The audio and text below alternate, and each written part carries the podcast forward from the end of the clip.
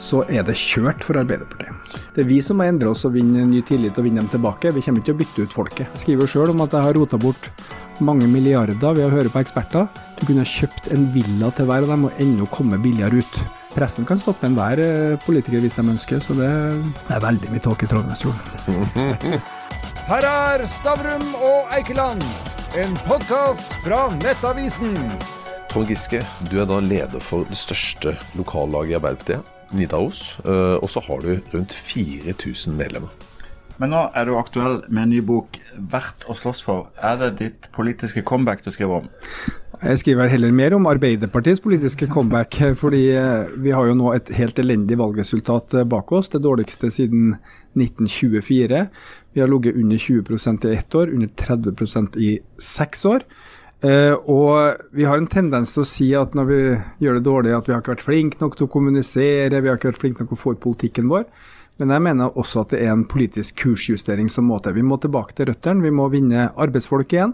Eh, lavere middelklasse, det er dem som i stor grad har forlatt oss. Det er jo morsomt å lese anmeldelsen av boka, men jeg kan, jeg kan stille innvendingen. Min første innvending er det på en måte, Vil du tilbake til 50-tallets problemer og 50-tallets løsninger? Nei, jeg har jo en harang i boka over eh, eh, snakket om reversering. Eh, Sosialdemokratiet har aldri handla om å gå tilbake. Da eh, Oddvar Nordli og Reul Steen og Gro, som vi ser på TV, tok over etter Borten, så var det jo ikke for å gå tilbake til Gerhardsen, det var for å skape 70-tallet og 80-tallet. Når Jens kom i eh, 90-tallet, var det ikke for å gå tilbake til Gro, eh, det var for å skape sin epoke. Og sånn må vi tenke hele tida. Eh, men verdiene, eh, hvem vi er til for, hva slags samfunn vi ønsker å skape sånn overordna, dem er jo ganske konstant, selv om virkemidlene endrer seg. Men, men nå er det jo krise i Arbeiderpartiet. Og du skriver bl.a. i boka ved kommunevalget i 2023 brakk den røde ryggraden. Altså, Hva mener du med det? Vi har jo hatt historisk sett en veldig sterk oppslutning i, skal vi si, langs svenskegrensa, hvis du tenker Norge som en ryggrad. Nord-Norge var en bastion med over 50% oppslutning. Trøndelag hadde vi over 40% så sent som for åtte år siden. Innlandet har vi ofte vært eh, opp mot 50 Eh, Romerike har vært en eh, sterk bastion for oss. Lillestrøm har vi jo styrt i nesten 120 år. Og Østfold, Fredrikstad, Sarpsborg. Sarpsborg har vi også styrt i over 100 år. Eh, Her mista vi ikke bare flertallet, men eh, mange plasser så datt vi jo under 30% altså ned på 20-tallet. Og det er dramatisk. Det betyr at det er veldig mange som historisk har stemt på oss, som finnes fortsatt. Det har jo ikke vært en massedød av sosialdemokratiske velgere siden 2015, som ikke lenger har tillit til oss. Og det er det vi som må ta på, alvor. Det, det er vi som må endre oss og vinne ny tillit og vinne dem tilbake. Vi kommer ikke til å bytte ut folket. Men ja, ok. Eh, ledelsen, eh, altså med Jonas, da, som har vært der helt siden, eh, siden Jens gikk av. Nå har de klart kunststykket i to valg på rappen, altså stortingsvalg, 2017 og 2021, og faktisk falle i oppslutning. Det har jo aldri skjedd i nyere tid. Altså, er det Jonas som ikke klarer å, å kommunisere de riktige eh, verdiene som, som eh, eh, Arbeiderpartiet har? Altså, jeg tror jo veldig på at hvis Arbeiderpartiet skal være stort, type 35 da, for å ta et realistisk mål, så må vi være en koalisjon. Vi må både ha de urbane akademikerne med god jobb og god lønn, som tror på et sosialdemokratisk samfunn fordi at det er best for alle. Men vi må også ha den, den gamle ryggraden, da, arbeiderklassen. Eh, lavere middelklasse, folk med en høyskoleutdanning, de som har såkalt vanlige jobber, vanlig inntekt og vanlig liv. Og Det jeg viser i boka mi, er jo at i den siste gruppa har vi hatt en massiv nedgang. Det som jeg kaller for nærvelgerne, som da, hvis vi deler dem på midten, utgjør 50 da. Eh, der har 42% historisk noen gang stemt på Arbeiderpartiet. I dag er det 10% som stemmer på oss. og Det sier seg selv at hvis bare 10 av dem stemmer på oss, så må vi ha over 50% i den såkalte globalvelgersida for å bli over 30 Og det skjer aldri. Vinner vi ikke disse vanlige folkene med vanlige jobber og litt lavere utdanning og, og, og, og eh, lavere økonomi tilbake, så er det kjørt for Arbeiderpartiet. Men du er jo selv eh, en typisk eksponent av globalvelgerne, i hvert fall i kjennetegn. Du har høyere utdanning, du bor i Oslo eh, og har vel ikke svingt slegga på arbeidsplassen nylig. Så eh, hvordan skal man reise tilliten i den gruppa med en partiledelse som heller ikke er, er nærvelgere? Altså selv, Jeg har jo gjort min egen test. da, Det er jo en test i boka. Du kan teste deg om du er nærvelger eller globalvelger. Sju spørsmål som du da gir en score på null til seks. Og jeg befinner meg i hvis du deler opp befolkninga i fire, da, så blir fra én mest nærvelger, to nærvelger midten, tre globalvelger midten og fire veldig globalvelger, så befinner jeg meg i kategori to, ganske nært eh, midten. men, eh, men eh, det jeg sier i boka, er jo at eh, vi må breie ut. Eh, heller enn å skrive hva vi har gjort feil, så skriver jeg f.eks. hva vi gjorde rett i 2001. Da gjorde vi også et katastrofevalg, vi fikk 24 eh, Og da eh, laga jo Jens et bredt lag. Han tok med, Vi kalte det ikke nærvelgere og globalvelgere da, men han tok med folk fra by og land. Han tok med folk med utdanning, han tok med folk med vanlig eh, yrkesfag og ufaglærte. Han hadde Hill-Marta fra nord, han hadde Carita, som var den på en måte moderne feministen for, som appellerte til, til, den gruppa. Eh, han hadde meg, som den gangen var en ung miljøradikaler, og han hadde seg sjøl, selv, selvfølgelig, som ja, appellerte bredt, men kanskje særlig til folk med utdanning i byene. Så til sammen ble vi da 32 i valget i, 2025, i, i 2005. Aldri har Arbeiderpartiet gått så mye fram, det var oppskrifta. Og den oppskrifta gjelder fortsatt, men jeg ser ikke så mye til den akkurat nå. Nei, men altså, nå har du Altså, du var jo kronprinsen. Ikke sant? Eh, nå har du Jonas, som er kongen eh, fortsatt. eh, som kommer fra ikke akkurat arbeiderstrøk. og så har du nå en kronprins som også faktisk kommer fra veldig gode kår. Hvordan skal Arbeiderpartiet klare å gjenvinne det du etterlyser? med den type ledelse? Er ikke det klin umulig? Nei da, det er fullt mulig å vinne tilbake de velgerne. De har ikke forlatt oss for godt. Som sagt, jeg kan jo ta min egen hjemby, da, Trondheim, der fikk vi altså 41% så sent som i 2015. Det er en by med en veldig høy utdanna befolkning. Han, Marvin Wiseth brukte å si at det har det høyeste IQ-snittet i Norge, og hver gang han reiste fra Trondheim til Oslo, så steg snittet begge plasser. Eh, eh, det er en akademikerby, studentby, eh, og der hadde vi altså over 40% Vi klarte da å vinne hjelpepleieren, bussjåføren, eh, butikkekspeditøren, men også professoren, akademikeren, eh, stipendiaten, eh, læreren, sykepleieren. Vi, vi, vi, vant bredt i alle grupper, og da ble vi stor. Fordi ideen bak sosialdemokratiet er jo at det er bra egentlig for alle. Det skal være lov å være rik, men det skal også være et ansvar å dele. Og det er oppskriften som sosialdemokratiet har bygd på, og bygd ikke minst stor tillit og oppslutning på. Men eh, Forklar meg egentlig det, litt mer fundamentalt hva disse nærvelgerne er, og hvordan de eh, adskiller seg fra vanlige folk, som var slagordet ved sist, siste valg. Altså, er det, er det sosioøkonomi, eller er det holdninger? Eller hva som særpreger nærvelgerne? Det her kommer jo egentlig fra en engelsk eh, forfatter og journalist som heter David Goodhart, som skrev om 'Somewheres and Anywheres'. Han prøvde å forklare hvorfor så mange arbeidsfolk stemte for brexit, og hvorfor så mange lavtlønte, og særlig lavt utdanna, stemte for Trump. De hadde jo åpenbart ikke en økonomisk interesse av Trumps eh, politikk. Og Han kom fram til disse begrepene, og det er det jeg oversatt til nærvelgere og globalvelgere. Og Det som kjennetegner det, si at det er en jevn fordeling. Når jeg eh, hadde en undersøkelse med 1000 respondenter, så ble det en sånn normalfordeling, en sånn såkalt Gaus-kurve, hvis du husker på den fra skolen. Eh, men det som var helt klart, var at det var ganske klare skiller. Eh, og arketypen da, på en globalvelger er en akademiker, eh, litt mer urban, høyt utdanna, eh, godt lønna, trygg økonomi. Liberale verdier på homo og innvandring og den type ting, men kanskje ikke så opptatt av utjevning økonomisk. Nærvelgeren er mer tilknytta hjemstedet sitt, har lavere utdanning. Litt overvekt distriktsbosatt, men det finnes masse nærvelgere i, i byene. Eh, og er litt mer konservativ. Altså, de er ikke mot homofile for all del, men de er litt skeptiske til pride. De er ikke mot eh, innvandrere, de er ikke rasister, men de er skeptiske til masseinnvandring. De ønsker mer nasjonal styring, og det har jo bl.a. med at globaliseringa ser veldig annerledes ut for en som eh, kan bruke muligheten til å ta en utdanning i Paris eller London, enn en som får jobben sin undergravd av billig arbeidskraft eh, som kommer tilflyttende. Og Det er nok en av de faktorene da, som, som, skaper dette skillet. Og Det som da er mest interessant i den undersøkelsen, er dette med at disse nærvelgerne har en gang stemt på Arbeiderpartiet. Jeg vil påstå at på 70-tallet så var det store flertallet av Arbeiderpartivelgere, det var nærvelgere. Så eh, åpna eh, Gro og Jens for å få inn akademikere, folk med høyere utdanning, folk med liksom, urbane, liberale verdier. Det var bra, for vi måtte breie oss ut fordi at demografien og befolkninga er i endring. Men eh, det er ikke så lurt å kvitte seg med de gamle, fordi det har vært ryggraden. Og det finnes fortsatt et stort flertall av eh, såkalt vanlige folk da, uten eh, lang akademisk utdanning i Norge, og dem må vi ha i Arbeiderpartiet. Men det er jo veldig vanskelig å dyrke merkevaren Arbeiderpartiet da, når den, den, den største byen, Oslo, blir styrt av allianse med Arbeiderpartiet. og tydelige globalvelgere, MDG, SV, Rødt. Mens i Norge eh, statsministeren eh, regjerer med Senterpartiet, som er nærvelgere. Det er jo ikke lett å skjønne hva Arbeiderpartiet står for oppi dette. Nei, og det, jeg skriver jo det at uh, sosialdemokratiske partier rundt i Europa havner i en spagat.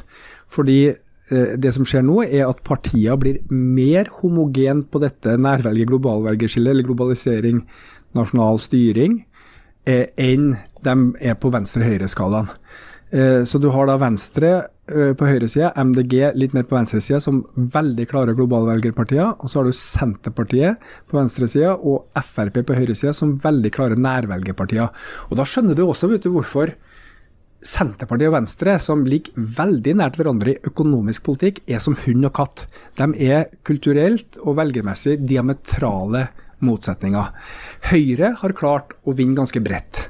De har, de har klart det kunststykket at i tre av de fire partiene, som det heter på fagspråket, 25% så har de veldig høy oppslutning. Akkurat blant nærvelgerne, de mest ihuga nærvelgerne, eh, er det Frp som vinner. Hadde de bestemt, så hadde Frp vært Norges største parti.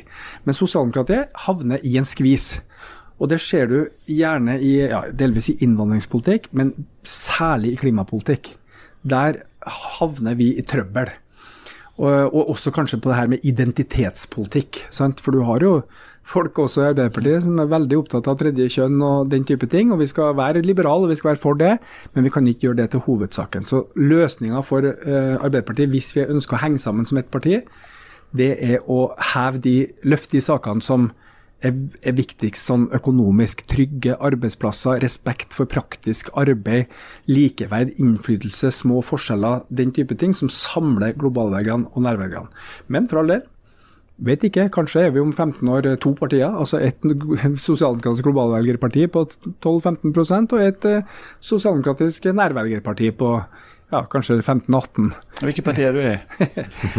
jeg er eh, da som sagt bitte litt mer nærvelger enn jeg er globalvelger, men jeg håper intenst at vi har ett stort felles Arbeiderparti. Og dem som ser på makta, ser jo at det, altså det er stor forskjell på en Gro Harlem Brundtland og en Reilf Steen og en Oddvar Nordli, men de appellerte så bredt til forskjellige folk at de i 1981 eh, og 1985, eller 1977 fikk over en million velgere, 42 og i 1985 fikk over en million velgere.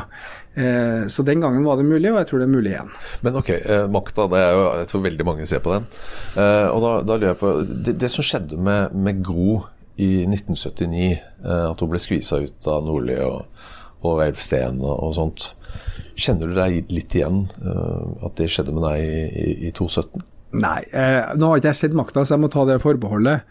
Eh, men det har jo alltid vært maktkamper i Arbeiderpartiet. Altså Et parti med mye makt vil jo alltid ha maktkamp. Eh, den dagen det ikke lenger er maktkamp, så er det antagelig fordi det ikke er noe makt å kjempe om. Eh, så eh, det må vi tåle. og Vi må tåle at det er politisk uenighet. Men det som er kunsten, da, er å bygge en koalisjon som samle seg om det viktigste, altså disse sosialdemokratiske verdiene som bygde Norge. Små forskjeller, trygge arbeidsplasser, respekt for vanlige folk, innflytelse, kontroll over naturressursene. Ta tilbake styringa fra ekspertveldet, for det er jo en sånn eh, greie som har skjedd over mange tiår, hvor flere og flere beslutninger blir tatt av anonyme eksperter som ikke stiller til politisk ansvar. Eh, jeg tror strømsaken er en sånn typisk eh, sak hvor folk er frustrert over at det ikke gjøres nok. Fordi at Hvis velgerne mange nok ganger sier at nei, det her kan vi ikke gjøre noe med, det er ikke mulig, det er ACER, det er EØS-avtalen, det er internasjonal trend, det er Ukraina-krig, hva det nå er. Ja vel, ok, men hva er vitsen da med å stemme på et sosialdemokratisk parti, hvis det partiet sier at nei, vi kan ikke styre. Vi må vise vilje til styring over strømpolitikken, boligpolitikken, eh, økonomisk trygghet, den type ting, som er disse kjerneverdiene i sosialdemokratiet. Da kommer vi inn på Finansdepartementet, vi har snakka om det i mange podkast. Altså byråkratene der de har jo vanvittig mye makt. altså De temmer jo enhver politiker som kommer inn. Ja, jeg skriver jo det. Ja, ja, ja, at, du, ikke sant? Ikke sant? at gløden i enhver politikers øyne kan fort slokne etter noen måneder i et departement hvor eh, Ja, men, men, embetsverket men det, er jo, det er jo egentlig galskap. for Alle snakker jo om det, f.eks. Finansdepartementet. Men så er det ingen som tør å gjøre noe med det. Altså, hva- altså Selv Siv Jensen turte jo ikke. Kristin Halvorsen klarte jo ikke. Altså, hva, hva, er det som er galt? Da har vi politikere som ikke tør å, å, å stå opp når de endelig kommer til makta? Ja, til en viss grad vil jeg si at vi blir veldig avhengig av embetsverket. Nå skal jeg si at jeg har jo vært statsråd i ti år, og jeg har hatt et fabelaktig embetsverk. Og når vi spiller på lag, så blir det, blir det resultater. Og jeg tror ikke embetsverket går inn av vond vilje for å prøve å skvise ut den politiske ledelsen, men de fyller et vakuum når den politiske ledelsen blir for veik. Eh, når, når politikken abdiserer, da, som jeg skriver om i, i boka. Og det er klart, eh, Man er redd for å gjøre feil, og man er redd for ikke lytte nok til ekspertene. Jeg skriver sjøl om at jeg har rota bort mange milliarder ved å høre på eksperter. Da jeg ikke turte å gå inn fusjon mellom eh, det statlige oppdrettsselskapet Cermaq og Fredriksnede eh, Marine Harvest, som det het den gangen. da. Du hadde jo Og det var, nå, tror jeg. ja, det var kjempetabbe. Men ekspertene, såkalte finansanalytikere, sa at prisen var ikke rett, vi mangla 100 millioner, kom ikke i mål. Og det hadde jeg bare turt å ta den beslutninga, så hadde vi tjent milliarder. Det var TV 2, ikke minst. Ja, det er jo det er samme sak. Ja. Men du, du skriver et sted at venstresiden er på sitt mest ufordragelige når den driver med moralisering og belæring. Hva tenker du på da? Nei, altså Historisk så var jo vi en frihetsbevegelse. Folk skulle få lov å leve sine egne eh, liv. Det var høyresida som, eller de konservative som rynka på nesen hvis folk bodde sammen som ugifte, eller ikke hadde gardiner, eller eh, gikk med alternative klær, eller den type ting. Men vi har enkelte ganger en tendens til å liksom komme med pekefingeren. Eh, nei, du må skynde deg tilbake i jobb etter at du har hatt eh, fødselspermisjon. Det må være noen mener til og med todelt eh, likt mellom far og mor. Eh, vi eh, blander oss eh, litt for mye borti hvordan folk bygger huset sitt, eller lager regler for sånn derre ja, pekefinger, eh, bedrevitersk eh, moral og, og, og ja, eh, ovenfra og ned. Og det, jeg mener at politikere skal være ombud. Vi skal legge til rette for folk. Eh, Jeg bruker å si det i foredragene mine til Arbeiderparti-ordførere, at hvis en velger kommer bort til deg og klager på rådmannen, eller heter kommunaldirektøren nå, da, eh, over at han ikke har fått den avkjøringa eller den garasjen godkjent som han har eh, søkt om, hvem tar du instinktivt parti med? Tar du instinktivt parti med kommunaldirektøren, eller tar du instinktivt parti med velgeren? Eh, og jeg mener at vi sånn i utgangspunktet skal parti, ta parti med velgeren, og er det løsbart, så skal vi løse det. Og, og, og hvis det absolutt ikke lar seg gjøre, så ok, da får det gå, men det er det som må være jobben vår. Og der, eh, der syns jeg venstresida, ikke mest i Arbeiderpartiet, kanskje enda mer ute i Rødt og SV og litt i MDG-land òg, blir litt sånn pekefinger. Ja, og det er snakk om laksebaroner, ta de rike og alt mulig sånn. Jeg syns ikke det hører hjemme noen plass. Gerhardsen snakka jo aldri om å ta de rike, han snakka om å løfte de fattige. Og så samarbeidet med investorer og næringslivsfolk, og han skattla dem òg. De fikk ikke importere det de ønska, for vi skulle bruke pengene på å bygge landet. Men, men vi var et fellesskap.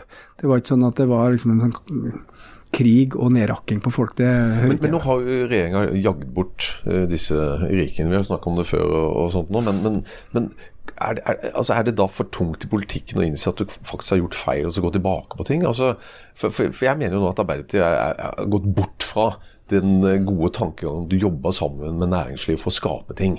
Altså Når du jager bort Røkke og mange av disse, da har du gått for langt, spør du meg. Uh, ja, Ja, jeg skriver, altså, nå hørte jeg jo på Vestre var hos dere her for ikke så lenge siden, og han svarer jo godt for seg, han. At det er ikke noe høyere formuesbeskatning nå enn det var under Erna Solberg, og det er aksjerabatt, og det er, under Jens, rettere sagt. Det er aksjerabatt, og det er masse, masse sånne ting. Eh, ja, utbytteskatt. Men det er ikke så stor forskjell. Men det, det har noe med holdninger å gjøre. Eh, og jeg skriver et kapittel om at vi er veldig flinke til å sette pris på dem som gjør store bedrifter, om de går på ski over Grønland eller om de vinner femmila i OL. Eh, vi burde ha tilsvarende glede og stolthet over dem som skaper gode bedrifter. Så jeg tror like mye som de økonomiske rammebetingelsene handler det om anseelse og respekt. Eh, men jeg tror nok også, det har jeg jo ment før også, at vi må ha en runde på formuesskatten på de to tingene som er mest problematisk. Dette med utenlandske eiere kontra norske, og dette med ulik formuessats på ulike formuesobjekt. Fordi hvis du får en vridning f.eks. i retning av eiendom, fordi det lønner seg skattemessig, da taper Norge produktivitet og konkurransekraft. Du prøvde jo en gang. Altså, Absolutt. Jens, uh, ja, Jens han, slo, han slo der ned, da! Ja, ja, ja, da jeg var jo næringsminister, så jeg skulle ikke ha noe avvik fra linja den gangen. Men du skrev et annet sted at egeninteressen til styringsklassen opprører. Du peker f.eks. på regjeringskvartalet. Hvem er styringsklassen? Det er jo dette ekspertveldet. Altså den eh, kvadranten mellom eh, departementene, eh, Akersgata, regjerings... Altså Stortinget, media, akademia. Det er her det ligger en sånn styringsklasse. Og enkelte ganger tar denne styringsklassens beslutninger helt groteske vendinger. Altså Vi bygger nå, i, midt i Oslo, et regjeringskvartal for 50 milliarder kroner. Det skal huse 4000 ansatte. Det betyr at vi nå investerer 12 millioner kroner per ansatt i Norges sterkeste pressområde. Du kunne kjøpt en villa til hver av dem og ennå komme billigere ut. Eh, og det har bare glidd gjennom. Mens sykehusprosjekt, viktige veiutbygginger, eh, skoleoppussing, sykehjem, det er for pent stille seg i køen sammen med de andre. Og hvem er det som tar den beslutninga? Det er styringsklassen. Da var det plutselig ikke så mange motargumenter fra embetsverket i Finansdepartementet. Det var åpenbart at de 50 milliardene brukt i Oslo har ingen pressvirkning på norsk økonomi, eller hever renta eller ødelegger for kronekursen. Det er selvfølgelig feil, men det er egeninteressen som styrer. Og det skaper nesten ikke debatt. Hvordan blir man en del av styringsklassen? For du har jo selv vært en del Ta av styringsklassen. Master i statsvitenskap Men uh, hva skjer, uh, rett og slett? Altså, innenfor sosiologi og statsvitenskap så er det på en måte mye som tyder på at du blir uh, du blir litt prega av miljøet du lever i. Sant? Hvis du sitter der og har millionlønning og, og, gratis parkering og ikke trenger å bry deg om strømprisene, så får du et annet perspektiv enn de som faktisk er ute i hverdagen. Er ja. det det som skaper? Absolutt. Det der, jeg tror Når, nei, når velgerne klager, klager på broilere, så er det jo ikke fordi de i og for seg mot at folk har brukt livet sitt på samfunnsengasjement, men de er litt bekymra for at de som tar beslutninger, ikke lever det samme livet som dem. Altså at du noen gang har måttet lagt til side en regning eller to til neste lønningsdag, for du rett og slett ikke har nok penger på kontoen. At du har kjent på tidsklemma, at du ikke har fått helt livet til å gå i hop. At den hverdagen er noe du kjenner. Og det, alle preges av det de omgis av. Jeg siterer journalisten kommentatoren Anki Gerhardsen, som sier det at alle journalister kjenner en lesbisk akademiker, men ingen kjenner en uføretrygda butikkekspeditør. Og det tror jeg er ganske to the point. Altså, du omgås velutdanna, vellykka, stor kulturell kapital, eh, og, og stryker hverandre på ryggen og, og, er en del av det samme miljøet. Hva er det uttrykk for når uh, Arbeiderpartiets avgåtte byråd i Oslo, byrådsleder i Oslo, Eh, blir så sinna når NRK spør han om en etterlønn på 400 000 kroner, når han tar seg tre måneders pause etter at halvannen million kroner i årslønn i åtte år. Hva er det symptom på? Nei, Jeg vet ikke hvorfor han ble så sinna. Det måtte vært noe annet som jeg aner ikke. Jeg kan ikke spekulere i det, egentlig. fordi vi må jo vi kan godt forsvare å ha etterlønn, men jeg har hatt etterlønn så det har holdt, det. Men du må tåle at det blir spurt om. Det, det tenker jeg at uh, Det tror jeg også Raymond skjønner. Men du, eh, vi, vi, må litt tilbake til Jonas. Eh, jeg vet at du prøver å unngå å snakke så mye om han, men, men eh, altså, du nevner jo litt i boka. Eh, Bl.a. dette utspillet han kom med om Venstre i, i 2017 som skapte rabalder. LO-lederen Gabrielsen gikk ut og gikk jo helt bananas osv. Eh, I tillegg så vil jo du gå ut og si at nå må vi love at vi skal klare 200 000 nye jobber de neste ti årene. og Vi har jo allerede klart 265 000, som du skrev i boka. Eh, men det, fikk, det ble jo nedstemt. Og Da lurer jeg på eh, Er han altså er kommunikasjon til Jonas Altså Han er en dyktig politiker, men, men kommunikasjon, er den rett og slett for dårlig? Altså, Jeg tror ikke det er et kommunikasjonsproblem, jeg tror det er et innholdsproblem. Jeg tror at f.eks. det vi gjorde i valgkampen i 2017, hvor vi først et par år tidligere hadde klart å fjerne streng fra streng og rettferdig innvandringspolitikk, og dermed gjorde det til et skilletema opp mot eh, ikke bare Frp, men mot Høyre, som jo er helt unødvendig. Vi har vært på linje med Høyre i innvandringspolitikken i alle år, og det har vært bra for Norge.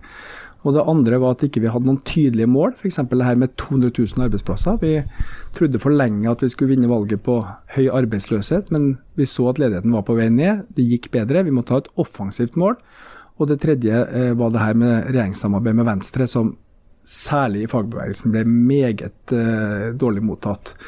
Eh, det var tre valg vi gjorde i den valgkampen som ikke bidro til valgseieren. Nå var det sikkert mye annet òg. Jeg har sikkert gjort feil i oppkjøringa og planlegginga av den valgkampen, men dette var i hvert fall helt avgjørende ting eh, som gjorde at vi tapte det valget vi burde ha vunnet da i 2017. Men jeg må sitere fra boka. for du, du, I et av avsnittene så snakker du om Godfoten, da, som Nils Arne Eggen og, og fellesskapet. Det er det som har skapt ja, la, la, oss nå ha litt høytlesning fra boka. Jo, jo, jo, men jeg, jeg må det. for det, utover jo, ja, ikke sant? Når ikke du vil si det til meg, så må jeg lese opp det du har skrevet. Da. Ikke sant? Og, og, og da blant annet så går inn i tante Jorunn igjen, som uh, hadde sine røtter og hele livet sitt i arbeiderbevegelsen.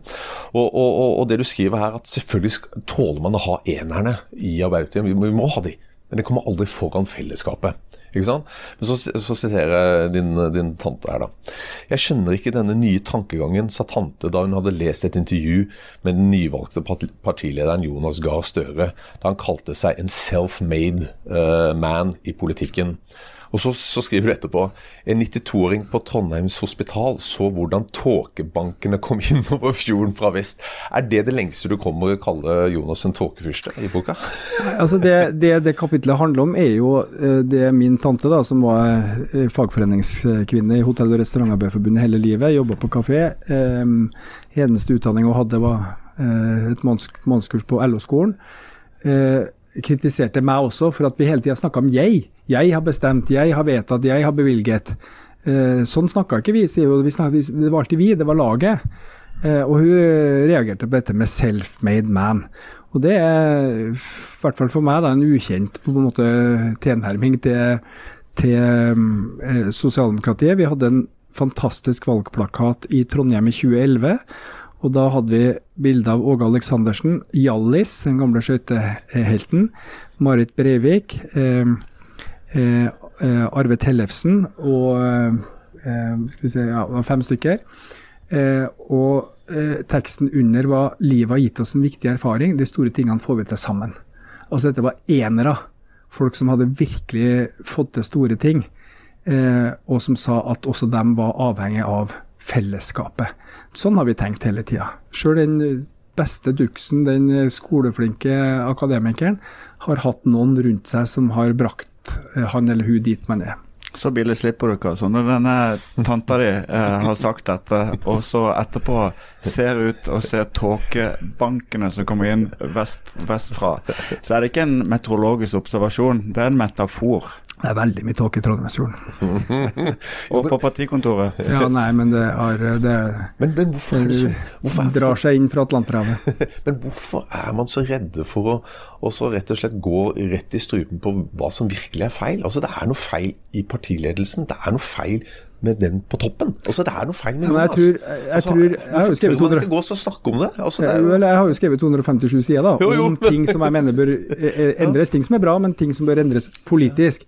Men det er klart, med en gang man gjør det til en persondebatt, så forsvinner det politiske. Og da er det akkurat like langt. Hvis ikke vi gjør kursendring i politikken, så kommer vi aldri tilbake til 30% Og det er jo den misforståelsen nå. sant? Ja, du kan bytte Anniken Huitfeldt, ja, du kan bytte Anette Trettebergstuen, ja, du kan sikkert bytte halve regjeringa. Men ingen i Norge får lavere strømpris av det. Ingen får lavere rente av det. Ingen får en tryggere jobb av det. Det er politikken som er avgjørende for folk. Dette spillet rundt enkeltpersoner i Oslo-gryta kunne ikke interessert folk mindre. De aner knapt nok hvem disse kommentatorene er. Og de har ingen påvirkning på folks meningsdannelse. Det som har påvirkning på folks meningsdannelse, det er er skolen til ungene mine god nok? Får bestemor en skikkelig omsorg? Må jeg stå, som jeg skriver om i boka, seks uker i kø til fastlegen for å få sjekka en kul i brystet? Vel, da vil den mest ihuga sosialdemokrat gå til et privat legesenter. Fordi eh, du ofrer ikke helsa av ideologiske årsaker. Vi må levere på politikken, da kommer velgerne tilbake. Og Der skal vi etter hvert, men det er bare én siste runde rundt dette. for at Når jeg har lest anmeldelsene rundt det i mange, bøker, mange aviser, og det er sånn, jeg våger den påstanden at hvis norske kommentatorer hadde skulle stemt ny, på ny Arbeiderpartiledelse, så hadde de ikke valgt Trond Giske. For det er ganske mye sårhet og bitterhet når jeg leser disse anmeldelsene. Hva, hva er ditt forhold til dette kommentariatet? Ja, men De er jo en del av det samme globalvelgersjiktet, de fleste av dem. Mm. Bor i Ullevål Hageby, eller eh, så nært som mulig, i den grad de har råd til det. Tjener eh, opp mot en million, eller kanskje over en million, og en del av dem. Eh, har akademisk utdanning, omgås sine meningsfeller, har glemt for lengst at de kom fra mindre plasser. og det er jo naturlig. Du preges av dem du snakker med og, og lever sammen med. Har ikke måttet lagt til side en eneste regning.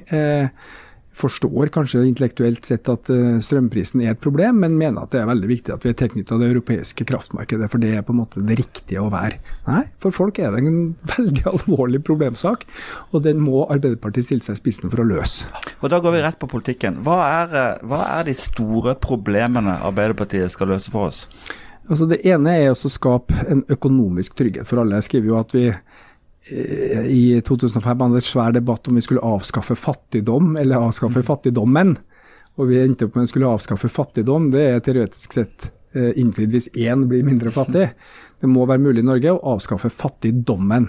Punkt nummer to, vi må gjenreise respekten for vanlige arbeidsfolk. Folk som har en helt normal eh, jobb, eh, praktisk arbeid, uten lang akademisk utdanning. Det kan ikke være sånn at den kognitive intelligensen, skulle du si, det å lære å kunne lese og, og bygge akademis, akademisk litteratur, er målestokken på vellykkethet. Ikke for å avbryte det, men det, no, først så skjønner jeg avskaff fattigdommen, men det gjenreiser til uh, respekt. Hva betyr det egentlig? Det betyr at hvis du går Og det her er litt sånn kanskje tilbakeskuende, da. Hvis du går noen tiår tilbake, så var det å være industriarbeider, det å være eh, sjåfør, det å være eh, eh, Eh, butikkekspeditør, det å være eh, helsefagarbeider. altså Det var en, ikke bare en lønn og en trygg jobb, men det var en anerkjennelse og en status. Det som har skjedd i samfunnet, er jo at status og anerkjennelse i sterkere og sterkere grad er knytta til akademisk kompetanse. De praktiske jobbene blir mer og mer nedvurdert. Og Det har jo sitt resultat i at ja, folk distanserer seg. Ved valget i 2023 så fikk Høyre 670 000 stemmer ca. Arbeiderpartiet fikk 580 000. Hjemmesitterne utgjorde 1,6 millioner mennesker. Hvorfor stemmer de ikke? Hva er det som gjør at de ikke vil eller orker å slutte opp om det liberale demokratiet? Det er kjempealvorlig. Og Det skyldes bl.a. at de føler at de ikke blir hørt og ikke blir sett. Men du kan ikke vedta respekt for dem? det, det, det har jo med hvordan du snakker om det, og hvordan du møter det og hvordan du ser på det. Altså, Nidaros er jo et lag full av nærvelgere. Vi har eh, både leger og, og professorer, dommere og økonomer, men vi har i veldig stor grad uføretrygda, pensjonister, eh, arbeiderklasse, eh, vanlige folk. Og hva er, det, hva er, det, VG skriver om, da, om, eh, om Nidaros?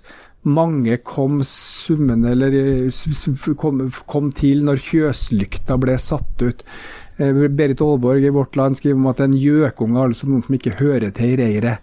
Det er en sånn nedlatenhet overfor vanlige folk som er helt uh, utålelig, etter mitt syn. Skjønner, Så du får jo lyst til å, å ja, du får lyst til å bare si det til dem. Ok, Jeg skjønner at vi skal avskaffe fattigdommen. Eh, jeg skjønner at du ønsker at vi skal gjenreise respekten for, for arbeidsfolk. Vanskelig på å se hvordan du skal gjøre det politisk, men vi går videre. Det har med hvordan du kommuniserer, og det har med lønn å gjøre, det har med anerkjennelse å gjøre. Du kan ikke vedta holdninger, sant? Jeg mener at ledere kan påvirke holdninger, absolutt. Mm. Det mener jeg vi kan. og Under pandemien var det jo ikke måte på. Vi sto og klappa på balkonger for dem som holdt hjulene i gang under pandemien. Men eh, la oss ta vare litt på det. Og Vi snakker jo veldig mye om like muligheter. Alle skal ha like muligheter. Det er veldig bra. At uh, kvinner kan ta utdanning i like stor grad som menn. At alle yrkesgrupper er åpne. At ikke hudfarge, etnisitet eller seksuell legning sperrer døra for folk. Men du kommer ikke til å avskaffe arbeiderklassen. Det er fortsatt noen som må kjøre den lastebilen, det er fortsatt noen som må stå i den butikken, det er fortsatt noen som må være hjelpepleier eller frisør eller eh, butikkmedarbeider eller bygningsarbeider.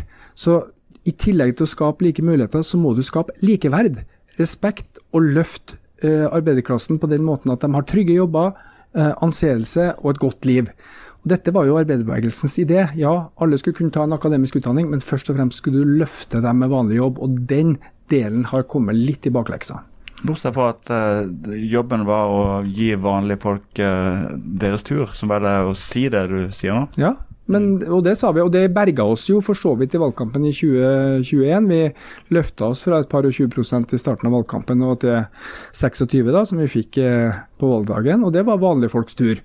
Men hvor har det blitt av det? Er ingen som tør å snakke om det lenger. Det virker som at de mista sjøltilliten på å fortsette å snakke om det. Og jeg påviser jo i boka mi at det er ikke sånn at det store flertallet i Norge har lang akademisk utdanning. Det er bare en 12-13% som har lang akademisk utdanning. De fleste har eh, fagbrev, ufaglært, eh, eh, kort høyskoleutdanning. Det er det store flertallet i Norge. Det er flest av folk flest, for å si det sånn. Vanlige folk.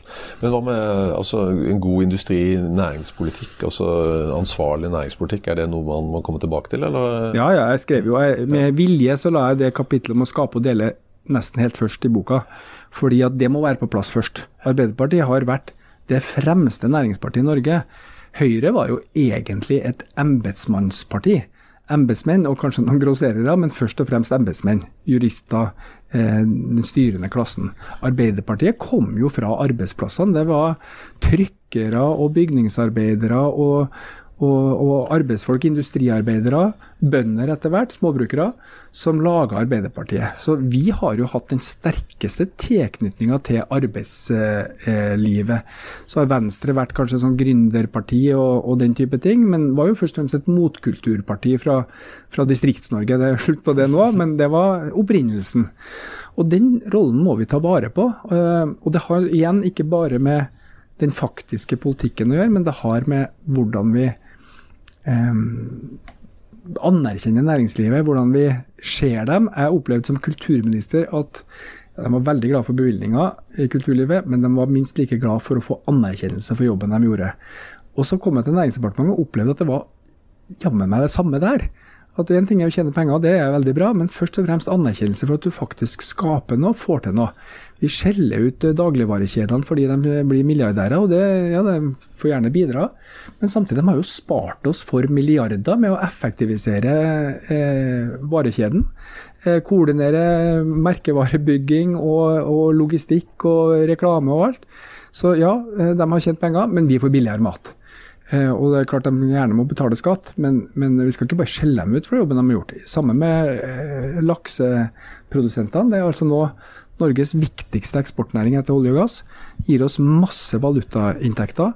Og det var jo ikke sånn at det var en selvfølge at det skulle gi masse penger. Tvert imot, den første runden var det jo masse som ikke stemte. Folk satte hus og hjem på spill. Det var jo fritt fram for andre òg å satse på laksenæringa hvis de ville, men det var noen som gjorde det. Og ja, de skal betale skatt, og de skal bidra til fellesskapet, men de skal jaggu meg ha anerkjennelse for det de har gjort, ikke utskjelling. Eh, Gustav Witzøe og Ole Robert Reitan, er de helter eller skurker i din fortelling om det moderne Norge? Nei, jeg, jeg liker ikke heltene og skurkene, men de er ordentlige folk. De har gjort en kjempejobb. Eh, Odd Reitan starta med eh, to butikker, eller én butikk rett i nærheten av der jeg vokste opp. Jeg har fulgt den bedriften siden de var en, en liten kolonialforretning som vi gikk i skolefriminuttet og kjøpte sjokolade i. Og, og bygde en enorm kjede med å effektivisere leddene, ta bort hele grossistleddet, få varene rett inn i butikk og spare masse penger for forbrukerne. Sammen med Norgesgruppen. Eh, og så har selvfølgelig eh, kooperasjonen gjort det samme. Så, så, De er jo helter i den forstand at de har gitt oss billigere mat. Men så har de jo tjent mye penger og deler jo altså, Odd Reitan er vel Trondheims suverent største skattyter. Skal ha takk for det òg. Ja. Han var kanskje den siste, du glemte jo en. Han var kanskje den siste på det bildet du hadde av Tellefsen, sånn, så du, glemte en. Ja, Odd Reitan. Men ok, men du, eh, vi må bare litt sånn inn på deg. ikke sant? Og så Altså, hver gang altså når du prøvde Først blir du jo relativt motarbeida i Nidaros. Altså det er eh, kommentatorer som kanskje ikke omtaler Nidaros som så med, Jeg tror det er en som kanskje ikke er så glad i vanlige folk. Ja, ja, ja, Jeg liker ikke vanlige folk. jo, men, ikke sant? men du, du, får den, ikke sant. Og så skulle du bli leder av Trøndelag Ap, og så var det med en gang bang! Ble du slått ned. Ikke sant. Eh, og, og, og det jeg lurer på altså Tror du egentlig at det er håp for deg å komme tilbake i rikspolitikken eh, under Arbeiderpartiets paraply? Altså, Jeg vet jo ikke om jeg skal tilbake til rikspolitikken. Jeg har gått fra absolutt helt sikkert ikke til tja, vet ikke, får se.